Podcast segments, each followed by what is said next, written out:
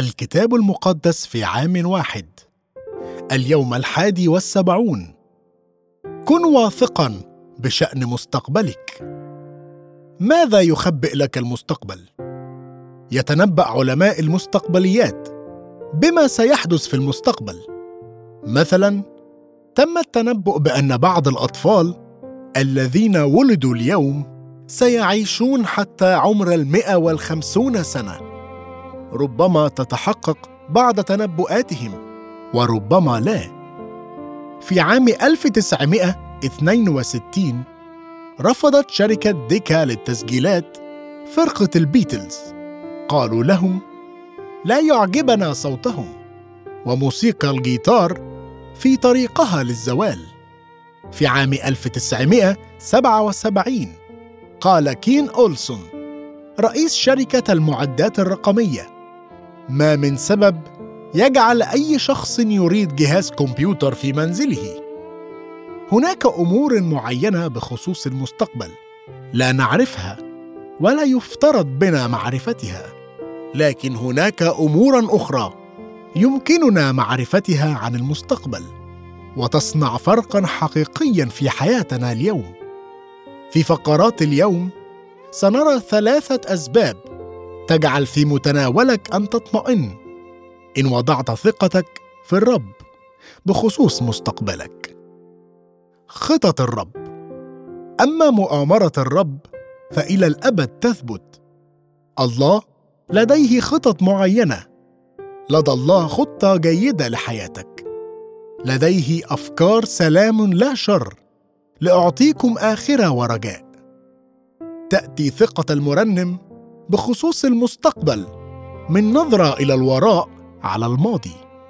إنه يتأمل مليا فيما فعله الله من خلال كلمة الرب. بينما نقرأ هذا المزمور بعدسات العهد الجديد نرى أنه كان من خلال يسوع كلمة الله. أتى العالم أجمع إلى الوجود. إنه الواحد الذي هو مصدر كل ما هو مستقيم وصحيح. إنه أمين. إنه يحب البر والعدل. امتلأت الأرض من رحمة الرب. على هذا الأساس يمكن للمرنم أن يكون واثقا من أن مؤامرة الرب فالى الأبد تثبت. أفكار قلبه إلى دور فدور. تصنع الحكومات والأشخاص خططا. ربما تفشل هذه الخطط. لكن يمكنك أن تكون واثقا في خطط الله لك ولحياتك. التجاوب الملائم لكل هذا هو العبادة. أن تغني بفرح للرب وتسبحه بآلات مختلفة. أن تكتب ترانيم جديدة. أن تستخدم كل مهارة موسيقية وتقوم حتى بعمل ضوضاء كثيرة. أحسن العزف بهتاف. أسبحك وأشكرك يا رب اليوم. لأجل محبتك وأمانتك من نحوي. أشكرك لأنه لديك خطط صالحة لأجلي. أشكرك لأنك متحكم تماما في التاريخ وفي المستقبل وفي كل حياتي أيضا. قوة القيامة.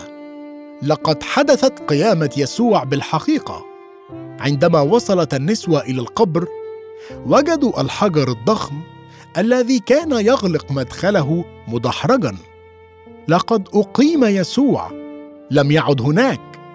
لقد رأينا بأنفسهن أن القبر كان فارغا.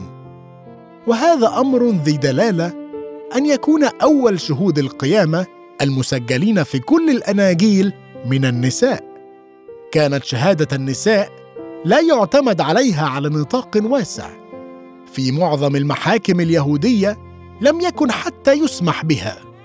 ولكن في الظهور لهن اولا يؤكد يسوع على أهمية ودور النساء في مجتمعه الجديد. إن هذا يعطي للقصة أيضا سمة الصدق كونها صادرة عن تقرير شاهد عيان. ما كانت الكنيسة الأولى ستخترع هذا الجانب للقصة. الحقيقة هي أن القيامه كانت مبدئيا صعبة التصديق بالنسبة للتلاميذ أنفسهم كما هي بالنسبة للكثيرين اليوم. عندما أخبر التلاميذ الآخرين عن قيامة يسوع لم يصدقوا حتى رأوا يسوع المقام بأنفسهم. ولكن عندما شهدوا قيامته سواء عند القبر أو في واحدة من الظهورات الكثيرة التي تلت القيامة تغيرت حياتهم. لقد تحركوا من الخوف إلى الإيمان من الانزعاج إلى العمل ومن اليأس إلى الرجاء. نتيجة للقيامة يمكنك أن تواجه المستقبل بثقة. واثق بشأن مستقبلك الأبدي. هذه الحياة ليست هي النهاية. هناك حياة بعد القبر. وكما أقيم يسوع من بين الأموات هكذا ستقام أنت أيضا في المسيح معه. وكما كتب تيم كيلر لماذا هو صعب أن تفعل الصواب؟ إن كنت تعلم أنه سيكلفك مالك وسمعتك وربما حتى كل حياتك. لماذا هو أمر صعب أن تواجه موتك أو موت أحبائك؟ إنه صعب لأننا نظن أن هذا العالم المكسور هو العالم الوحيد الذي سنحظى به إلى الأبد. ولكن إن كان يسوع قد أقيم اذا فمستقبلك هو شيء أكثر جمالا وأيضا أكثر يقينية من هذا. واثق بشأن حياتك المستقبلية. يسوع حي وهو معك بينما أنت ذاهب. إلى العالم أجمع ولتكرز بالإنجيل للخليقة كلها. أنت مثل التلاميذ لديك مأمورية أن تذهب وتبشر بالأخبار السارة للعالم أجمع. يمكنك أن تثق في أن قوة الله ستكون معك. يمكنك أن تتوقع آيات قوية تصاحب رسالتك. إخراج شياطين تكلم بألسنة وشفاء للمرضى. هذا هو ما حدث وهذا ما ينبغي أن نتوقعه اليوم. الشفاء مثلا ليس حكرا على من لديهم موهبة الشفاء الخاصة ولكنها لكل من يؤمن أن الله هو الذي يشفي ولكنه يجعلك تشترك في خطته والرب يعمل معهم ويثبت الكلام بالآيات التابعة. هناك العديد من النماذج في العهد الجديد لكنها كانت دائما بسيطة. يأتي الشفاء باسم يسوع. النموذج الأكثر شيوعا هو الذي يتكلم عنه يسوع هنا. وضع الأيدي. ويضعون أيديهم على المرضى. فيبرؤون. أشكرك يا رب لأجل قيامة يسوع. أشكرك لأنه يمكنني مواجهة المستقبل بكل رجاء وبكل ثقة لأنك حي وموجود معي. وعود الله رغم أنك لا تقدر أن تعرف تفاصيل المستقبل إلا أنه يمكنك أن تتأكد من بركة الله على مستقبلك. في الإصحاح السادس والعشرين يعد الله أنك إن أطعته فسوف تتمتع بالثمار وبالرضا والأمن والسلام وعدم الخوف والنمو وبمحضر الرب وبالثقة. ان تسير مرفوع الرأس. يقول الله إن عشتم بحسب أحكامي سيكون لديكم ما يزيد عن الحاجة لتأكلوا وستعيشون في أمن وأمان في مكان من السلام. ستكونوا قادرين أن تذهبوا للنوم ليلا بلا خوف. أؤكد أنكم ستزدهرون ويزيد عددكم.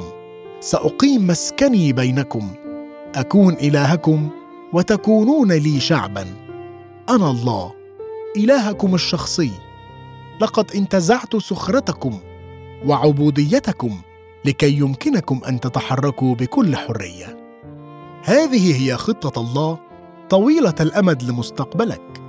ستواجه تجارب وصعوبات في هذه الحياة بينما تسعى لإرضاء الله.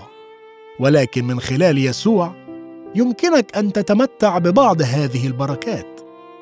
في الإصحاح الخامس والعشرين.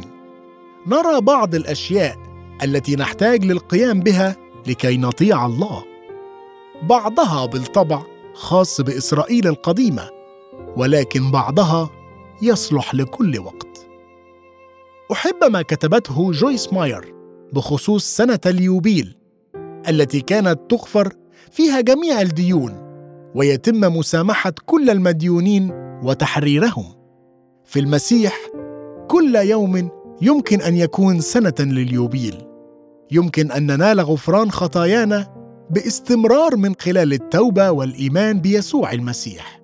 يمكننا أن نتمتع بسنة يوبيل مستمرة.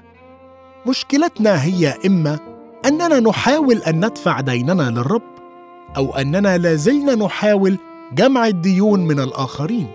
مثلما ألغى الله ديننا وغفر لنا. هكذا يمكننا نحن أيضا أن نلغي ديون الآخرين ونغفر لهم ما يدينون لنا به. مفتاح هذا الإصحاح هو فلا يغبن أن يظلم أحدكم صاحبه. ليس كافيا أن تكون امينا. ينبغي أن نكون مراعين للآخرين أيضا. هذا يختلف جذريا عن نظرة العالم. يعجب العالم بالشخص الذي يربح اموالا مهما كان بلا رحمة.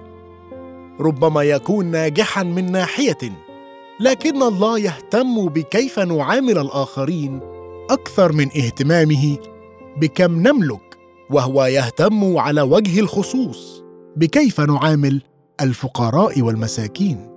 نحن مجرد وكلاء يقول الرب لأن لي الأرض وأنتم غرباء ونزلاء عندي.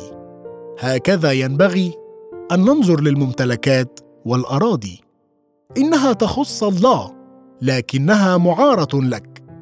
كان الله يعلم شعبه أنه لا يوجد ما يسمى الثروة الثابتة.